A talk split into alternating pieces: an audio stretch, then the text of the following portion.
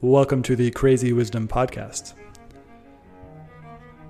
So, you might have noticed that the world has gone a little bit insane. Um, and to get through this in a way that is sustainable and maybe even joyous, we are going to have to find some crazy wisdom, uh, which is why I named the podcast Crazy Wisdom. And I try to find guests who are both contrarian and right, uh, as well as people who can help us to understand how we can get through this period of both acceleration as technology accelerates and maybe even a little bit of darkness uh, as well as some of you may have been noticing really crazy stuff is happening right now. So um, my goal with this show is to empower you with crazy wisdom uh, and give you the tools to figure out how to do it on yourself because we don't can't rely on too much these days. Uh, so with that being said, if you like what I'm offering with this show, I'm on Twitter at Stewart Alsop III. My DMs are open. I'd love to hear from you about how this show has affected you. Thanks. Have a great day. Welcome to the Crazy Wisdom Podcast. My guest is Stephen Fawn. He is uh, uh, trying to discover the next culture that is emerging because there is something that's emerging in our current time uh, and be a part of its formation. In a sense, he's just fucking around and finding out uh, with a focus on bottom up and integration. So bottom up kind of like as this you know culture starts from grassroots, but it also starts from the top down as well. What so let's start with well, welcome to the show. Hi, thanks, Stewart. Good to be here. Yeah. So what what do you think is the relationship with culture between bottom up and top down? Because I I see also there's a sense of culture being a top down mechanism by certain you know um, media conglomerates and uh, but then there's also this bottom up sense where the media provides this thing for something that's desired from from everyone. So what do you think is the connection? Um i think well every so it's uh, i'd say the universe first of all is uh is initially bottom up and then as uh then through kind of the how would you put it? Just um simultaneous spontaneous emergence of agents interacting, uh, information starts to uh, get filtered in different ways, and you have uh, creation of different layers of processing, you could say. Um, and you know, this happens uh, in the brain. Uh, I'd say this happens in nature. This happens in economies. Um, and yeah, you said agent. But like from our understanding of like you know if there is an objective universe that's created outside of our awareness then then uh, for a long time there was no agent until agents started to develop. As to our knowledge you know like there are a couple billion years. Well i guess there are little tiny agents of cells um, but then like what do you mean by agent? Um, i am thinking about agents as uh, as cells, maybe we could probably go back to, um, uh, we could go probably all the way down to, uh, uh, down through different layers of uh, analysis. Like, mm. you know, I think maybe for a while agents were um, in the pre cell environment, like RNA and chemical mm. reactions. And you could think of those as sort of agents too but you know i'm going for uh, at least uh, the language I'm riffing with, I'm using agent in a pretty broad sense. Um, is maybe, like a, is a planet an agent?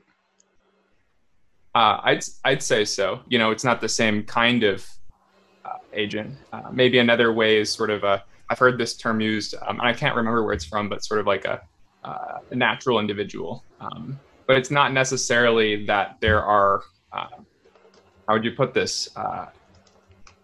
The, the, the boundaries around them, I'd say, are pretty porous. Um, but at the same time, like there there are boundaries, right? So you know, the planet Earth includes all of us, uh, all of the Earth chemistry, uh, all the beings that are going on. I'd say it includes like uh, uh human culture as well. Uh, you know, it's just it's it's a it's a whole package there, right? Um, uh, I mean, I guess that can get a little bit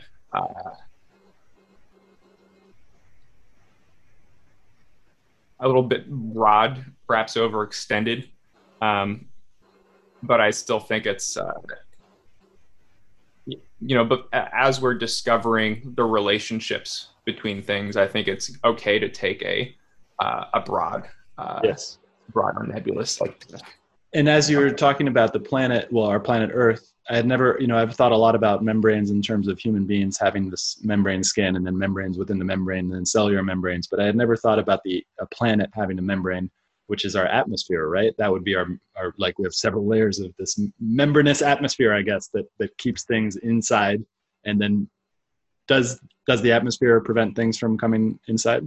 Sure. Uh, and I, will just say there's a couple, I'd say there's a couple more membranes to that too, right? We have like a magnetosphere um, uh, and there's a heliosphere too, but you know, that's within the solar system, but those are also um, providing, how would you put this? Like a, like a, an information buffer, right? So uh, it's controlling the circumstances within the buffer or with, you know, within the membrane uh, to be more favorable for uh, whatever uh, I'm going to say information processing activity is going on in there.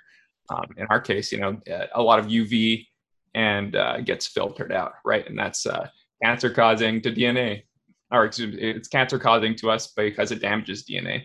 Interesting. Um, so that's like, know, there, there's there's that's a way that's a that's a neat way to think about um, membranes. Um, but uh, and then, so there are all there are all sorts of scales, and there are all sorts of you know that's a physical one, but I'd say we have you know uh, cultural membranes too, or or psychological. What is, it, what is a cultural what is a cultural membrane?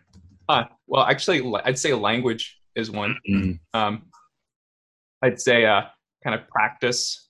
Uh, this is another, or like disciplines are, uh, I'd say, have membranes around them. But you know, you could also uh, think of you know disciplines and language as like pretty intertwined. You know, specialists will have their own language for describing uh, their sphere of reality that they're dealing with, and it's pretty easy to like distinguish who is and who who is in and who's spent some time in the sphere versus who hasn't.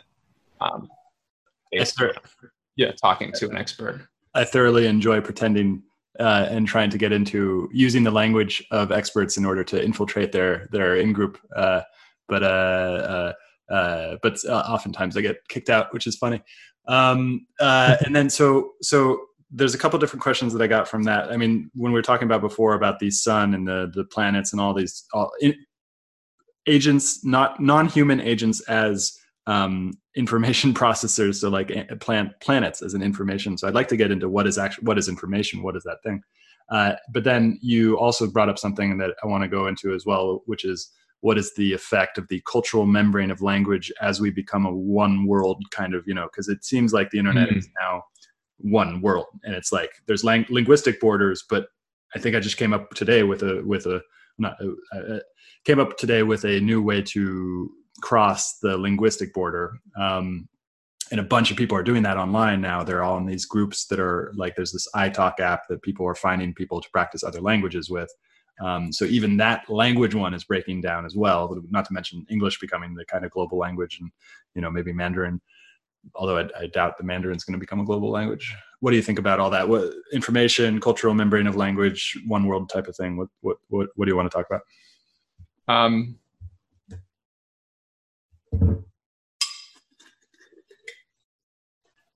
I'm just going to review this for myself. We were so we are uh, one thread could be information, um, and uh, I could riff on that. There's uh, there's then also just kind of maybe the broader cultural phenomena of our technology is able to reduce membranes, uh, certain membranes, I'd say, uh, at least between uh, between peoples and like explicit or how'd you put it like a maybe uh, I, can you tell me a little bit more than I mean yeah we've got like you know sure. Google Translate and Live Translate and these things which actually uh, serve like enable people to communicate um like uh in particular at, at least pretty roughly sorry go on and particularly the thing about like what does it mean that we're becoming one thing like in some ways we're becoming more decentralized and there is a there is a kind of a potential human existence where we become really hyper local but then we're still connected to this this this crazy internet machine that that like as you said dissolves membranes. Uh, and so I like to think about um, how good ideas spread, particularly good ideas in functioning governments. One of which I thought was our government for a while until the last couple of years, but uh, but like how these ideas spread. They usually spread. So like if you go back to the 1800s and 1900s, you have people writing letters to each other. Um, and that was the main way that people kind of shared you know like what we're doing we're, we're kind of like trying to figure out what's real trying to like what is this culture thing what they would do that by letter writing because it took too long to, to to do anything else and also magazines periodicals and stuff like that and now it's just like you know instant. We I, we can we can you know set up the zoom call and have these you know but then that that destroys culture as well because that's destroyed a lot of individual cultures. Um, uh, but then it also creates a new culture and then there's this might potentially be this decentralization hyper local but that hyper local is also becoming informed by this greater kind of dissolving of cultural membranes. What do you think? Um, i think wherever we have there's there's a lot of different things to talk about i guess one is like maybe going into um, so, so maybe within like a like the context of the world and medias that we have available. Um, I would note that we don't actually that there are different, um, you know, uh, how would you put this? Like uh, still cultural zones or actually um, uh, different infrastructures. Like we don't actually share the same infrastructure as China. Uh. Um, and uh, in terms of they have, uh, I'd say, from what I understand, like a pretty broad um, in- interventional yes. like surveillance apparatus, mm-hmm. um, and also their own uh, stack of you know to a degree of like web technologies um, and their own hardware. I think even um, you know so it's I mean it's it's interoperable on like what is it like a uh, think the uh, there's there's uh, there's some model uh, it, there it is interoperable in a sense but like I guess at the lower level but there's a there there is an explicit boundary that they've put up. Yes, um, interesting. Yeah, because so, then yeah, go for it. I, I, would say also like countries are starting to. I, I forget who it was, but there was it was either maybe in a actually I know an Iranian official was banned on Twitter. I think this is not the or this is not the only case where it's happened, right? So we've got you know Trump too, but uh, I think there are. I think this is this is not the first time it's happened to world leaders, and it's still it's going to continue. Um, and I've heard about uh, efforts by sovereign nations to start up their own social medias and start to get a little bit more separation from uh, put up a buffer, put up a membrane um, around their digital spaces. But then, you know, the the hope is because that's the crazy thing about growing up in Silicon Valley was that I was like um, spoon fed this ideology that the internet is best when it's decentralized, and any sort of centralized internet is going to be a gnarly one. Um, uh, and so I hold out hope. Uh, like the what you just described is is is is a kind of a dystopian thing for me. Um, I hold out hope for real decentralized platforms uh, that are beyond the scope of the ability for centralized parties to censor. What do you? And this this is I would love to talk about this. Do you? Can we go into that? Um, sure. Um, I think I, I would note though that we do we we we we really haven't had um, I'd say a decentralized internet in I don't know, in, in, in, a meaningful way since aggregators, search engines, and oh, major social media have become the sites of activity, right? So they own they own yeah. the networks, uh, they control access to data, uh, and uh, it's it's um it's not impossible to get your data out, but it's meaning your data is kind of meaningless without the context yes. of the rest of the uh, the network to interact with it or do things with it. So I, I we do we have a very centralized. Uh, and we've had it for a long internet. time since the yeah. 90s because because you know there were search engines in the 90s but there were a lot of them but but that was a shitty internet to use like it was beautiful and like but it was like not very convenient and that seems to be where we're headed towards we're sacrificing everything for convenience what do you think? Um Yeah, I, I, I think something there's there's something I'm paying attention to, which is the emergence of a instead of like a data centric paradigm of uh, running applications where you know you have um, basically you know databases or perhaps you know distributed databases that uh, or or in this model you have an app and uh, a database and the database has uh, uh, all each each you know each app that you use has its own database Whoa. with each user's information uh, but you know these uh, there's uh, what how how a user is represented or their data is represented is not right not interoperable with the other uh, databases but there is an idea of uh, user centric uh, model where the uh, the user has all of their data yet it's exposed on um, a framework or a platform which allows apps to be built with on within like a a distributed maybe I'm going to say distributed database or maybe a distributed graph um, or a distributed like storage uh, paradigm. I'm trying not to like actually be like too specific, but I do have like a system in mind uh, uh, that I'm that I'm learning about. I'm like quite excited about. Interesting. Um, well, because I want to get into specifics of that. um, uh, the, so when you were talking about that, it made me think that there it's kind of in the sim, similar way to to a, a there's a, the, a database that's shared, but then there are controls around the user's uh, information within that database, or each each it's it's like almost like an individual has their own database um, uh, that they can. But then there's there's techniques to actually like make that database interoperable with all the other databases, but it's separate. Right. Yeah, and and then there's ways. To, so it's not only ways to make it interoperable, but then I think on top of that, ways to have the functions of traditional apps like, um, mm. you know, uh, validation of data or maybe having the sense of all playing the same game, right? Like you know, Twitter has a 240 character limit mm. as well as like tweet uh, a tweet quote and mm. uh, reply functionality. But you know, these are these are functions that are built um, hmm. uh, uh, that that that shape the way the data is interacted with and interpreted. And these games are fun in, insofar there are other people to play them with.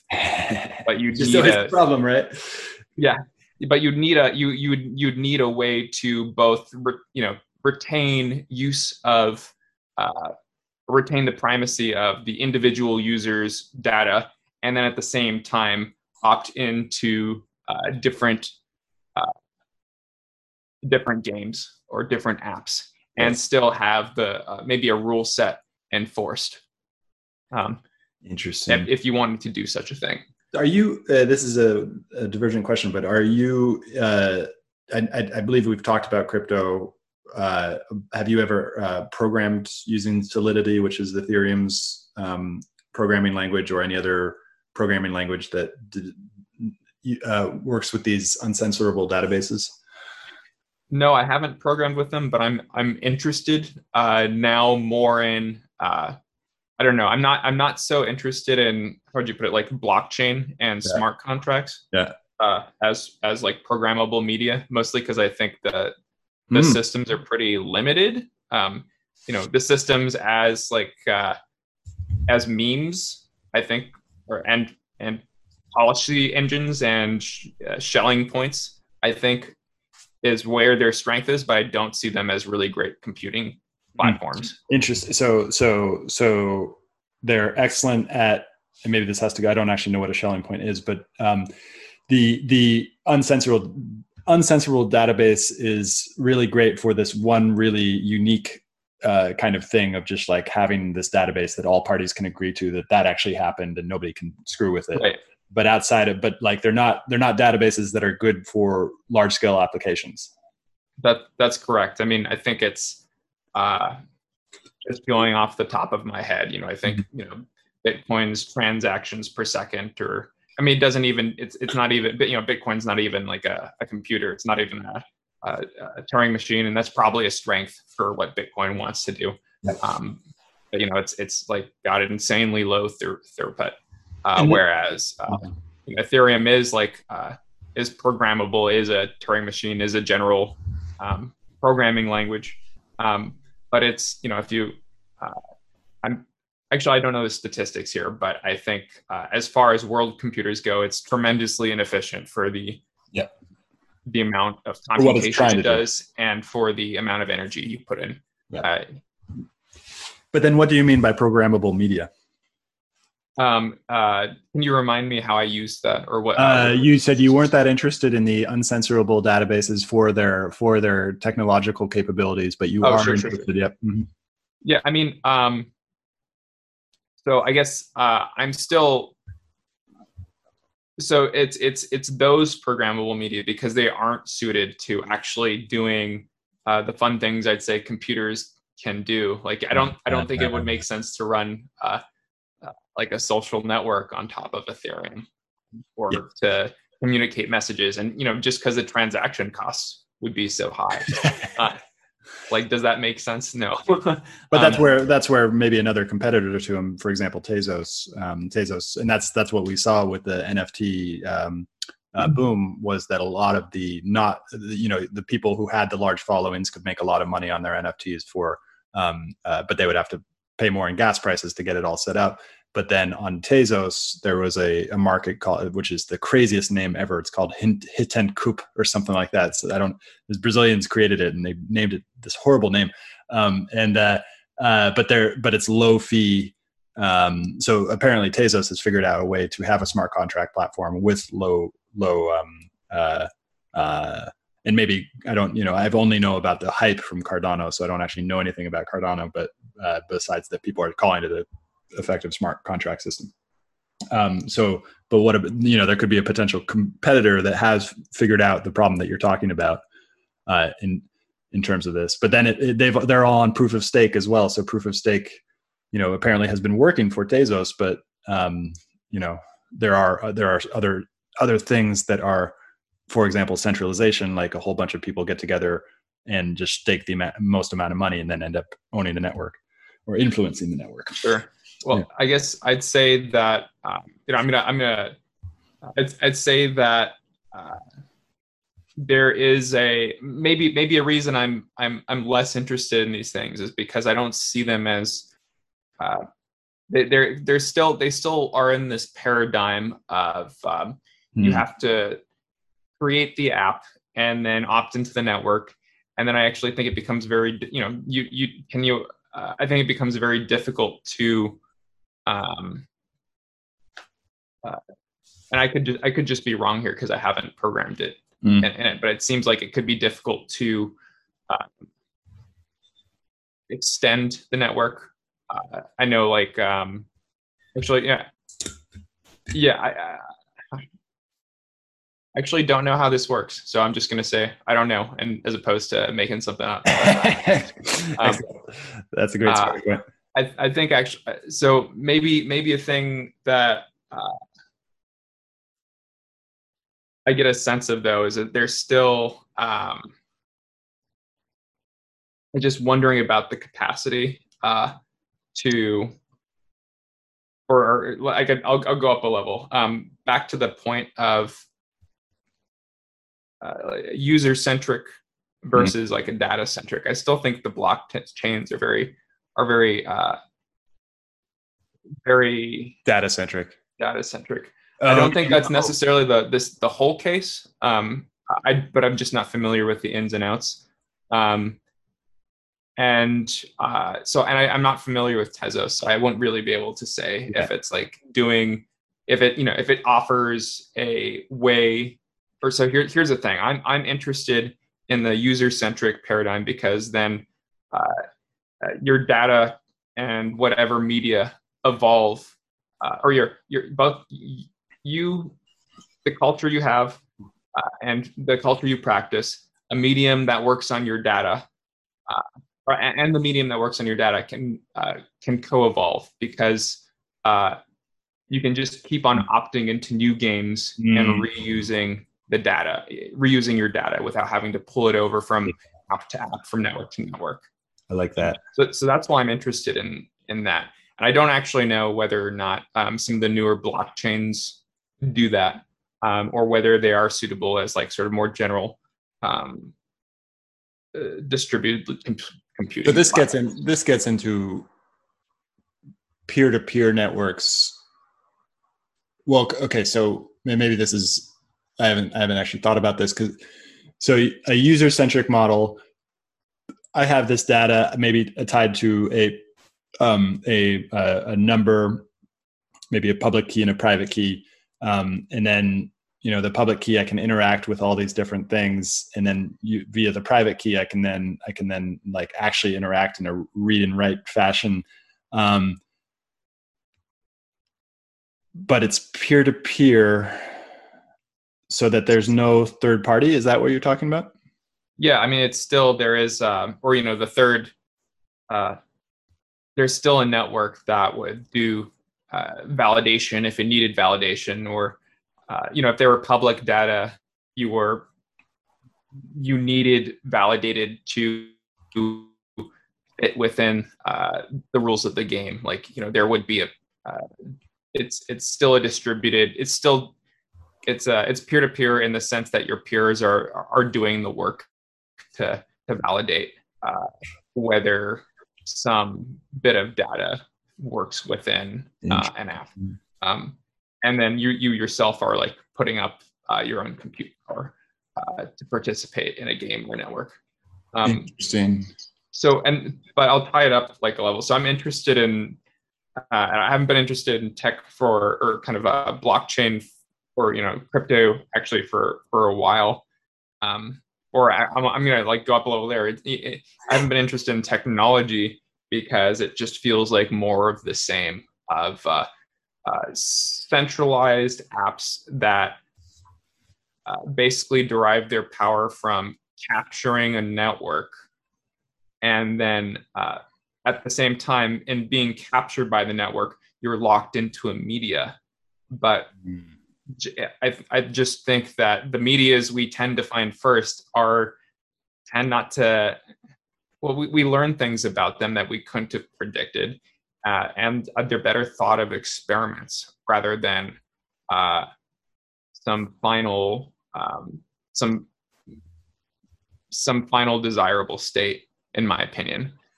Um, can, you, can you go into that again? I didn't quite get the the media part you're talking sure. about media in a way that I haven't I haven't thought about yet. What do you mean by media? I guess I guess media is I, I use media pretty uh, broadly. Um, and I and I, I, use it in a very flexible way too. Um, but maybe a way to think about media is in this in this circumstances uh, just a method for sending signals or or, or mm. communicating. Um, and the media is often, uh, I mean, you could you know here's maybe two examples of of that like uh, a smoke signal, blinking your eyes, Morse code, and then an instant messaging system. And you could all say those are different media yeah. in a sense. Uh, uh also, your face, your hmm. facial expressions, I would say, you could call a media in a sense. Um, and this is I've been trying to figure out that there's a there's a word and I forget the guy who who wrote it. Uh, McLuhan. McLuhan. I think yeah. it's the the medium is the message. Yeah. What does that mean? Um, I don't know how he meant it, but to me that makes. Uh, uh, I would say the media of the message to me means that the the properties of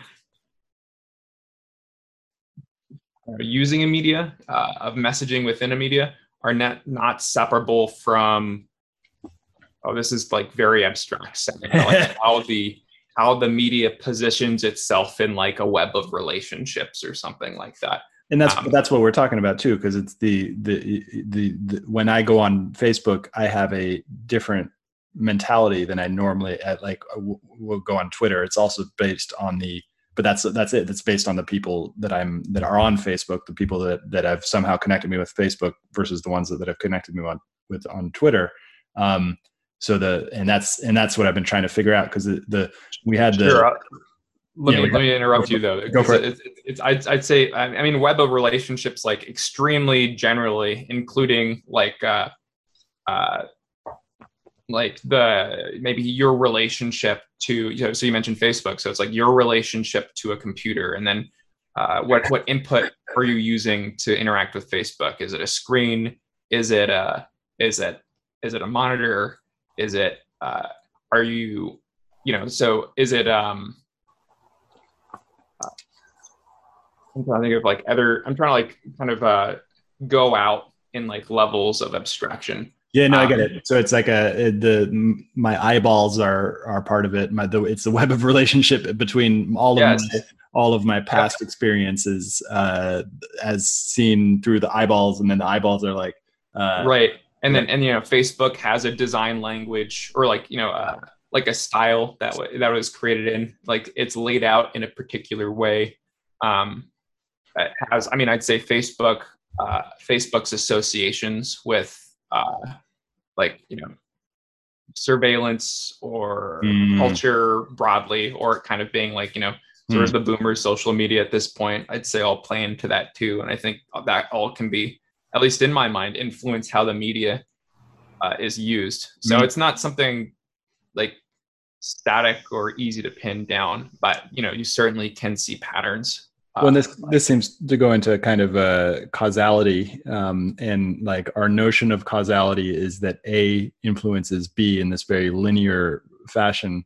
But what you're talking about is this kind of non-causal space where, like, you try to you try to pick out one of those variables, and there's like 1,000 more variables, one trillion more variables that are that are that are that are out there, like you know, like the position of the sun uh, in relationship to the Earth, uh, and then you know, yeah, that's that's true. There's there's like um, I mean, kind of like like alluding to like the very beginning of what we were saying. It's like well, the boundaries we def- draw around these things can be imagine. Um, well, I was gonna say like pretty uh, pretty fluid, um, and then oftentimes right, it's like well maybe that's not actually the correct boundary or like you don't you haven't you haven't a causal understanding of this media that you're talking about like um like obviously you making facial expressions at the media doesn't do anything to the other side, like the other people or people on the other side. Uh, but and uh, if well, you want to do such a thing, you have to use the reacts to to signal your displeasure or your anger or your laughter. But you also don't have like all all these other emotions too um, that could transmit.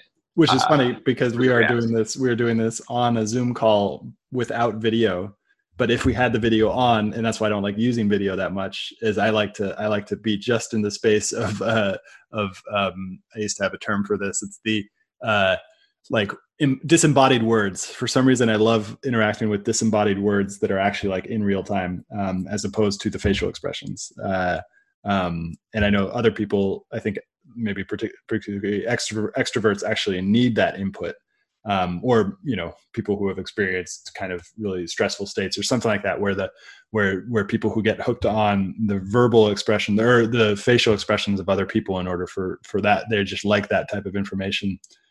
Um that's i uh, that's a good way or I, i'll bring in like another frame too. It's right it's it's using um it's using a different part of our mind too right? Like we're not uh, maybe we're i'd say probably both of us now are are not paying attention to our visual field or i mean it's it's there but we're not uh, the information that's entering into it is not salient to the conversation we're having right? So i'd i'd guess that both of us are a little bit more associated with uh, the audio stream and our memory of the words that were said and like maybe the overall feeling of the conversation and less so uh, like the nonverbal body language or that comes through or uh, anything that's conveyed in your your face or your look or your environment so we're just not attuned to those things those aren't part of our environments and they're not part of the processing we're doing now in terms of you know participating in this media what do you know about the salience network uh, i don't know much about the salience network uh, or, or anything. Or it's not coming up. It's not. I don't have any associations at hand. Yeah, and so it's the reason why I ask ask it. Um, and I could almost use video now because I'm looking on Google to find. So yeah, there's the default mode network, there's the salience network, and then there's the central ne- executive network. And so this is like, you know, people. It's the default mode network is now becoming more popular as a kind of a, a framework. Um, I don't think it's totally fleshed out yet, um, but it's really interesting. It's a really interesting idea of instead of looking at like the amygdala, you look at the amygdala plus the the frontal cortex. Um, and uh, and so the the salience network is another one of these like the default mode network it's another network that has these different brain regions. And you were talking about the, the salience of all the incoming stimuli. And if anybody's listening to this they can do this right now. Like they're probably if you're listening to this you're, you're this the things that are salient as as steven said are are the auditory signals. Um, and so the reason why i found out about the salience network was actually in my research for cannabis. Um, so cannabis specifically interacts or the theory is that um, cannabis specifically interacts with the salience networks and changes what you find salient, which is absolutely true in my experience with cannabis. Um, and I think it's true of a lot of other people. They, when you listen to music, it changes the nature of music. It changes the nature. But I guess you could say that all of the all of the uh, psychedelics do that, and even experiences do that. For example, I was thinking today of like nobody needs to take psychedelics; they just need to you know move to another country and that they don't speak mm. the language, and and that will be a psychedelic trip um, like because you're you're you're basically you're removing yourself from your cultural membrane and then uh, putting yourself in another cultural membrane and this fundamental thing that language all of a sudden changes. So you basically revert back to an infant. Um, and uh, uh, and uh, and I've done it many times and it's a beautiful experience. Um, anything come up that sounds fun to talk about from what I just said? Yeah I mean I just I love the idea of um, sort of like experiencing or just being aware uh, of the salience network or being aware of how your experience uh, or how you're perceiving things, how that changes so drastically when mm-hmm. you're in like unfamiliar situations. Um, mm-hmm. I think that there it, it, it really has this way. I'm thinking of um, going sailing in Greece, mm-hmm. which I did I'd never been to Greece. I'd never been sailing. Um, but it was like I think you know a couple years ago, and the experience going out there was um, I, I, just almost couldn't make it felt entirely fresh. Mm. Like I didn't know what anything was or what anything was supposed to do or any of the locations or it was just totally um, fresh, vibrant. Uh, un like very very very open too. Um, like I wasn't trying to uh, manipulate it or interact or you know kind of um, or at, at that point, you know, I, I, I wasn't sailing the boat. I was just watching other people sailing the boat. But there was just like this sense of just like, like soaking it in openness and just uh, I don't know, not not even necessarily like uh, like hypothesizing or reasoning about what was going on. Just this like very, mm. know, it's just very, it was very beautiful and restful in a mm. sense because I'm not, you know, I could just tell there wasn't this uh, uh, this processing that is usually going in going on about how you know what you know what should we do next or what are we doing or uh, you know it's just uh, you know kind of watch and enjoy like the sensory reality.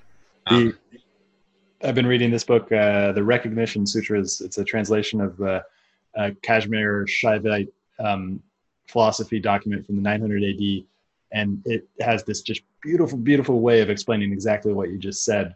And I'll try to butcher it right now. Uh, so, with every phenomena, there it arises, it stays the same, and then it disappears. And this can be applied to any object of consciousness. So it arises, and it, it, within the salience network. So it's like all of a sudden I, I'm like thinking of okay, I'm looking at the lamp. That experience of looking at the lamp is happening, stasis, and then all of a sudden I then now focus on the, the conversation, and then the, then it repeats itself. Um, but then the awareness of us having we, there's this possibility to be aware that all of that is happening to this subject me this experience and and that and we can and then we pay attention to it as it dissolves and then it leads to that experience of being the subjective awareness. And then they they have a particular word for it called chamartka or something like that that is this aesthetic rapture. Um, and hmm. we we can get it all the time. It's like always available depending on how much we identify with the the that sense of awareness that sense of i. Um, and uh, and uh, so that yeah it gets pretty trippy reading those books because because all of a sudden it's like wait i'm in this this just like magically complex world and everything is just so complex beyond my wildest imagination but my brain is like putting it all into this picture and then it but i'm the one perceiving it all and it's really beautiful. So um, yeah really highly recommend that book. Um, that's cool. Uh, i mean it's uh, i just i like that because it's uh, i like the I like older accounts, or you know, basically like older phenomenology, like uh, an older sort of like uh, maybe theory of mind emerging out of hmm. like close observation of reality. Uh, that and that, that, that is outside the scientific framework too. That's the, I think that's yeah, it is point for me. Or or it, it is currently outside the scientific framework. I think it's possible um, in loose ways to like well, I mean I think it is possible to bring it in. And I don't actually think there's um, it needs to be like a, a very difficult thing. Mm. It's just uh, I think we have to understand ourselves as maybe uh, experimental instruments, um, and there's a lot to go in there, right? Because our own our own history, um, our own genetics make up uh, what our what our tendencies are in perception i'd say mm. um, but then what do you think you about know, yeah what do you think about this kind of perception like uh, like the only way i can describe it is the self with a capital s that there's some sort of autonomous agent that is not dependent on the brain function or doesn't feel like it's dependent on the brain function but yeah then it might get might put into the scientific framework as well but it feels like to me when I inquire into my experience of perception that there's an aspect of me that is not related, is not necessarily embodied even. Um, but then the cognitive scientists are now saying like, yeah, every thought, all thoughts are embodied, but that's maybe just among the conditioned thoughts. Um, but it feels like to me that there's some sort of an a, awareness or that is that is not that is temporarily residing inside of a body um, within the field of space time but that field of space time is a product of like it's not real. It's it's it's a product of our um of our conditioning essentially. Um what do you think about any of that? Um i have to i think i would i would just want to maybe talk to you about like uh, definitions more or, sure. or, or or just like understand more of where you're coming from before i like jump in with my own sort of like uh, impressions about what what you're saying. Um, sure. But it's like, uh, um, so you're saying like when you, I guess I get this sense of um, it maybe some quality or I don't know. It, I don't know if it's even right to call it a call it a quality because that, but it's like something um, underneath or above or outside of or um, embedded or you know or permeating through mm. everything which is experienced, perhaps. Um, so it's so you're. So, I mean, you could so capital capital S self. So it's it has some connotations of uh, like, like total, right? Mm-hmm. Uh, there's nothing that falls outside of it. Yep. Um, um, I'm actually wondering if you could maybe speak more, like, sure. uh, like so, about that. Yeah, the, the capital S this and this is from my understanding of of the philosophy of uh, of uh, Advaita Vedanta. Uh, capital S, it's the absolute. So so so yeah, you said you used a lot of above, beyond, above, below, uh, within, and I would say within probably is the is the one or the substrate. I used a different used a different word where it's like everything that I'm aware of right now in my moment. Every the lamp, the, the computer screen, all the sounds of my voice, all the all the thoughts in my in my head, all the feelings in my body, all of that is happening within the space of awareness. So the awareness is fundamental to the experience of all of that. Um, and that awareness is always there. But whenever I try to make it an object of consciousness, like actually look at the awareness as it's happening, the the uh, I, I turn it into another object. Uh, which then is is becomes part of the past uh, uh, because it's like or part of this imagination machinery. Um, but then if I do it again and look at the awareness, that's the awareness is always there. It's always present. But then sometimes I forget about the awareness and I ch- turn my my I turn my focus and my attention to external objects and I identify with the body that's seeing these things through the eyes. Um, but if I get do it again, I, I'd notice this awareness. And so like, and and the way that the the Advaita Vedantins talk about it is they're like so there are three there are three modes of general consciousness that we go throughout in the day. There's being awake, there's dream sleep, and then there's deep dreamless sleep. Uh, the body and the mind, well, the, the body and the mind exist while we're awake. The mind exists while we're dreaming. Body kind of, you know, we sometimes feel like we're in a body, but but it's not. You know, it's not a strict body sensation. And then both of those disappear in the deep dreamless sleep. But you don't disappear in the deep dreamless sleep you still exist awareness still exists but the the the the the all the phenomena associated with the body and the mind disappear so they then argue that therefore awareness is fundamental and that everything happening within the space of awareness is part of awareness um, but is like a lesser it's like a it's like a contraction of awareness into these objects basically or even into the body or in the mind um, I mean, that all that all scans with me. I feel like I've had um, experiences both dreaming and waking, where the perception of the body um, and the senses will like just drastically alter, um, and uh, you know, it, showing how what's occurring in awareness is, uh,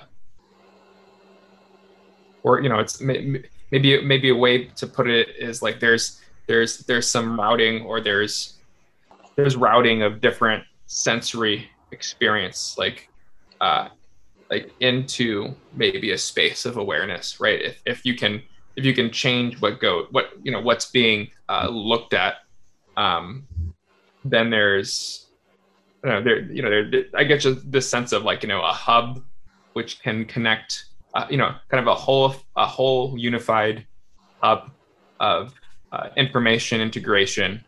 You know, everything you know, everything in awareness is like simultaneously accessible, or you know, it's all it's it's all there. There's one impression which can have different components, but the impression in that moment is whole and integrates you know sensory modalities. It's it's you know you could you could say that there are parts to it, but in a sense, it's you know you know one part knows the other and they're all occurring uh, within the whole and that's and that's what i've been trying to figure out in in in a kind of the you know what we know about neuroscience i don't think it's an answered question but it's like how does the brain create this unitary perception of everything? And then the main question philosophically for me then would be does the brain actually do that unitary thing or is the unitary part of the of reality? Um, uh, rather than and and you know this might be where people talk about the brain as a kind of a receiver for consciousness rather than the producer of consciousness um, and that, that consciousness is somehow disembodied and uh, uh, I mean, it is embodied in our bodies, but then it is like fundamentally disembodied and a product of, of reality, essentially. I, mean, I think you could have um, I, I think in some ways, uh, you know, consciousness like needs to be fundamental to the universe because otherwise, how would we like access it?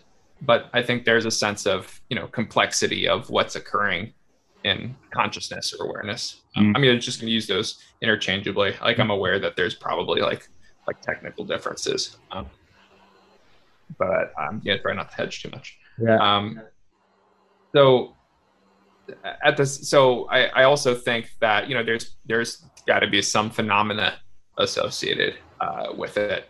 Um, but you know, like how would we know, like from the outside, whether you know something is conscious? Well, we have pretty good ideas. You know, we have the uh, we have empathy, and that uh, gives huh. humans the ability to you know suppose uh, and you know from from watching behavior and communicating with these other beings that okay yeah you you like we're we're in on this we're in on this uh this joke thing. we're in on this uh um, you know wink wink nudge nudge all right we're, we're in on this thing together um but then you know how would you tell like if you know like fundamental particles had i'm not going to say like a rich experience right? It's probably some sort of basic experience. Yeah. um, or maybe it's it's too much to call it an, an experience maybe in a sense maybe there's a um, but you know is it is it something to be like an interaction of like particles? Um, i think the answer is probably there probably is like a subjective sense of the particles hmm. interacting. I wouldn't say there's necessarily like anything like a um, like a memory, or it's it's it's probably quite like um, hard to fathom what it's like, and it's probably n- nothing all that uh, complex, uh, but also nothing all that relatable either. Yeah, the relatable um, thing is the key part, I think, because you know it's like me trying to experience or me trying to understand what it feels like to have a dolphin sonar or something like that. Like it's just like so beyond my ability to think about because it's like it's just I, have, I don't know what sonar feels like, so I can't I can't can't tell what that is. Um, and there's something that you were talking about that made me think about. Lost it, lost it, it's gone. Um, okay, so let's, for the last five minutes or so, let's talk about, let's go back to that question what is information? Sure. So, what is information? All right. Well, I mean, uh, information is like fairly reducible in a sense to, uh, you know, uh,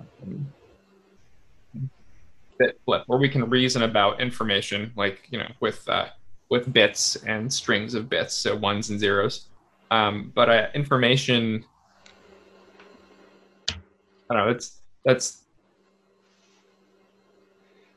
what can we? Well, I guess I'm trying. I'm actually trying to like. So like what is? Yeah, um, yeah, go on. What is the so the, does the sun have information? And if so, what is the type of information that the sun has?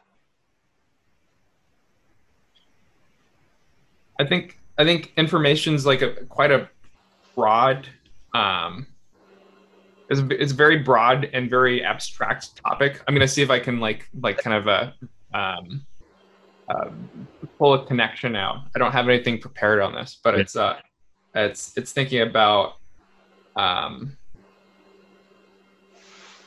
I guess I guess I'd uh, the thing that's coming to mind is information and computation. Yes. Um, sort of um, in like the sense of like a know, computation as um, a set of rules that interact with information to transform it um, in a maybe a i'm going to say like in like a, like a maybe an orderly way um, not, structure. Yeah, yeah, yeah. So it's yeah. Like, I mean, there's there's structure. Yeah. Sorry, sorry. Go on. So, because and the reason why I'm asking this question in this particular way is there's this great book called The Psychedelic Information Theory, um, and this is like a very materialist trying like from the scientific framework trying to understand uh, what psychedelics do. And you know, he goes in and tries to build a model of the brain as this information processor, and then you know we have habitual ways of of of processing information that get just like wiped out or or discombobulated by psychedelics, and then you recohere. Um, and I think there's a lot of the free uh, energy principle type of stuff as well. Um, but it's like you know, it, it, and so um, like I just love thinking about like information. And then there's another framework I like as well that goes from information that we take information, we turn it into knowledge, and then knowledge can be used Uh, but then and then there's another step which is wisdom, and that but I don't know the relationship between knowledge and Hmm. wisdom. So, um, but there's those three categories: information, knowledge, and wisdom.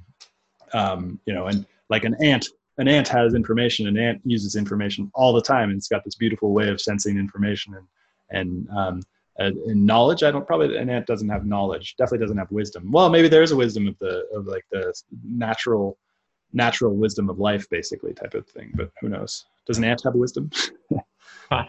Uh, I'm definitely thinking about, at least the way I've been thinking about or using information here is is um, at least start like starting with that like maybe like the more uh, technical mathematical sense. But I I do think it could, you know, there there's probably a bridging between information and wisdom, which is, I mean, I think I think. Uh, at least my interpretation of wisdom here would be a sort of um, at least like a human knowable wisdom um, in which case there is a there's a relationship uh, to reality um, Uh. and what's occurring in reality Uh. to sort of um, kind of find an i'd say maybe a like an optimal way to relate to it in a sense um, i think Hmm. th- this gets into like deep stuff like like like uh like why do we find things meaningful uh, which is is not something that's i think easy to to, to answer um unless you've So I- unless you've watched the uh, John Vervaeke series many many times.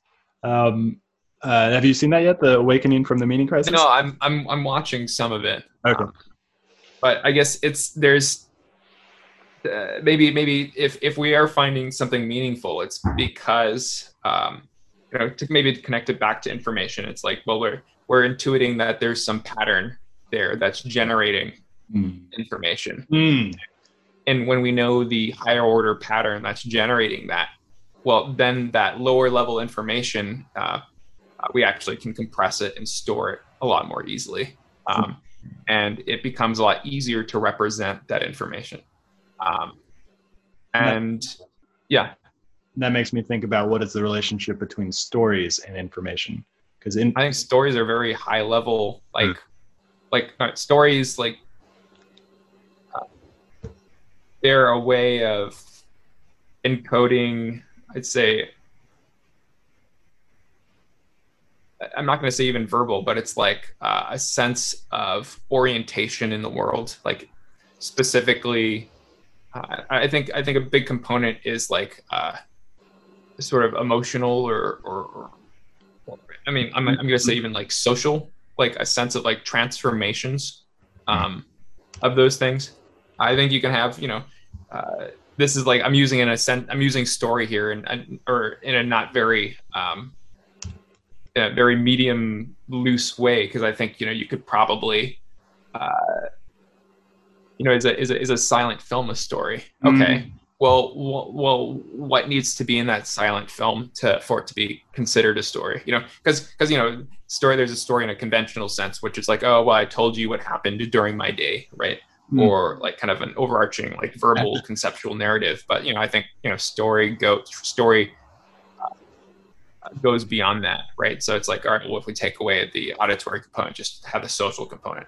Well, what if we take away like the fact that there are even um, like humans there? Like, what if it's like shapes that are interacting? Like, I think you can. Uh, we, we certainly have an interpretation of what's going on. We can come up with a story about what's happening. Um, what if it's just like uh, uh, colors like flashing from you know a, you know a, a, color palette that's transforming like in sort of an abstract art or a light show um, is that a story um, and i'd say there is a there is a sense in which like yeah like there there is a story or there it's it's maybe um, uh, maybe uh, you can t- you can kind of take it like uh, an experience in itself or a conveyal of experience. Beautiful. Um, Anyway, Cool. Okay, well, so let's let's actually uh, end it there. But what, uh, how can people find out more about you uh, if they want to find out uh, anything about you? Well, I have a pretty minimal internet presence right now, but if you wanted to uh, follow me on Twitter and talk with me, and I'm there at at underscore Steven Fan, and that's S T E V E N F A N. I highly recommend following Steven because I've been getting a lot from him. Particularly, we, we didn't even talk about it, but we were going to talk about dopamine. But uh, uh, particularly your, your writings on dopamine. So go go follow Steven. All right. Hey, thank you very much, Stewart. It was a, it's been a pleasure. Yep. Hope you enjoyed this episode. I'll be publishing episodes every Monday, Wednesday, and Friday in the morning. If you did enjoy this episode, please find us on iTunes, Spotify, Stitcher, many of the major podcasting platforms, and go ahead and give us a review. And also subscribe. And as always, I'm on Twitter at Stewart Alsop III. Come join the conversation as we aim towards the truth. And the funny thing about truth is that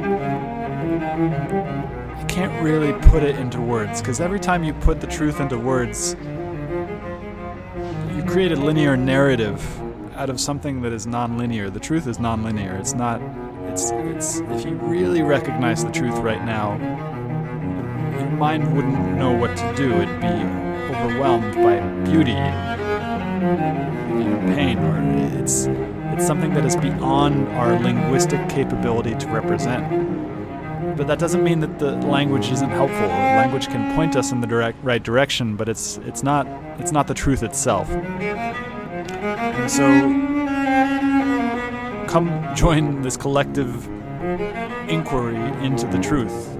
Find me on Twitter at Stewart Alsop III subscribe to the podcast, share the podcast with your friends. Uh, most people don't have the ability to let go of this linguistic understanding of the way that the world works and just aim for the truth, regardless of what the language tells us. Uh, and so I think what I'm doing with this this show is is necessary for us because as we enter this stage of uncertainty, we are most definitely entering an age of uncertainty. And as we do, it's really, really important that we stop paying attention to what the mind is telling us all the time.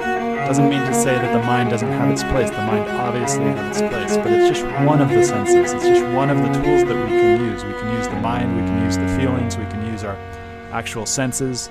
Uh, we can check our intuition with other people because sometimes the intuition tells us the wrong thing as well. Sometimes the intuition is wrong. So it, we can't we can't rely on any one tool to get us there. So come join the show. Find us on iTunes. Find us on Twitter at Stewart Alsop III. Uh, and come join the, this inquiry for truth.